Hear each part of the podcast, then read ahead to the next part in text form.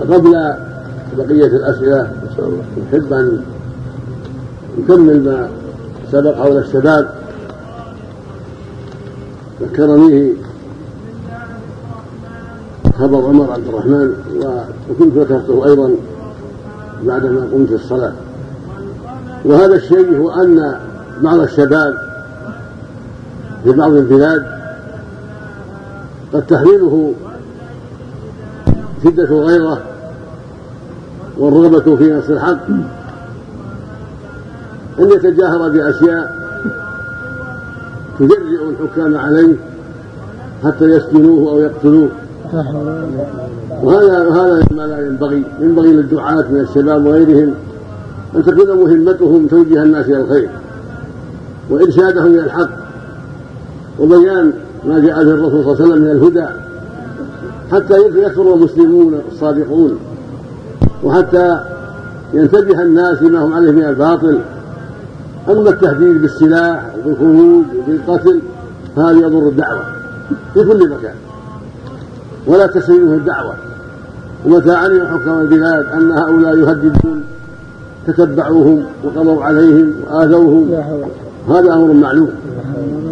فينبغي للدعاة ألا تكون هذه مهمتهم وألا يتوجهوا إلى هذا الطريق ولكن ينبغي لهم أن يصبروا على الدعوة. كما صبر عليها النبي صلى الله عليه وسلم في مكة وأصحابه صبروا ثلاثة عشر سنة ما هددوا بالسلاح يدعون الناس سرا وجهارا إلى توحيد الله وطاعة الله. وهكذا في المدينة فلما استقامت الدولة وأذن الله لها في القتال قامت بالجهاد بعد ذلك. فالدعاة إلى الله في أي مكان هنا أو في مصر أو في الشام أو في أي مكان يسلكون مسلك الدعاة إلى الله جل وعلا. والنصر وتوجيه الأمة إلى الخير.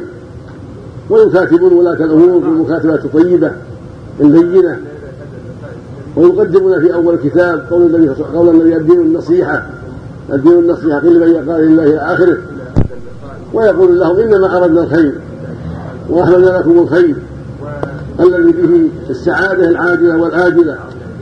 به تستقيم دولتكم وبه توفقون لما فيه عزكم ونجاتكم وبه تصلح أموركم وبه تسعدون في الآخرة أيضا. أنتم والمجتمع جميعا. هكذا يكون الدعاء بالكلام الطيب والأساليب الحسنة والرزق مع الناس لأن هذا ينشر الدعوة ويعين أهلها ويكثر أهلها ويبصر الناس والدول بعد ذلك والحكام لا يخافونهم بل ربما أيفوهم إذا رأوا منهم النصح والكف عن الإعداد لقتالهم أو المظاهرة عليهم أو ما أشبه ذلك.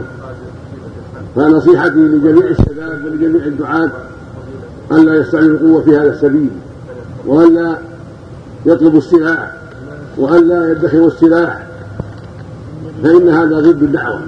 ومن أسباب تسليط أذناب الفجرة ودعاة الكفر والضلال على أن يشجعوا القادة على أن يقضوا على الدعاة وأن يطالبوهم في كل مكان حتى تنتهي الدعوة من البلاد. هذا كله خطأ وكله غلط. الواجب على الشباب في كل مكان وعلى غير الشباب من الدعاة وإن كانوا شيبا الواجب العناية بالدعوة وأن تنشر بكلام الله وكلام الرسول عليه الصلاة والسلام بكلام الطيب والأساليب الحسنة في المجتمعات في المساجد في المدارس في الجامعات مع الحكام مع الأعيان بالمكاتبات الصالحة بالمكاتبات الطيبة التي تلين القلوب وترشدها إلى الحق والهدى. هذه نصيحتي للجميع. أرجو ممن سمعها يبلغها من وراءه إلى آخر الدنيا.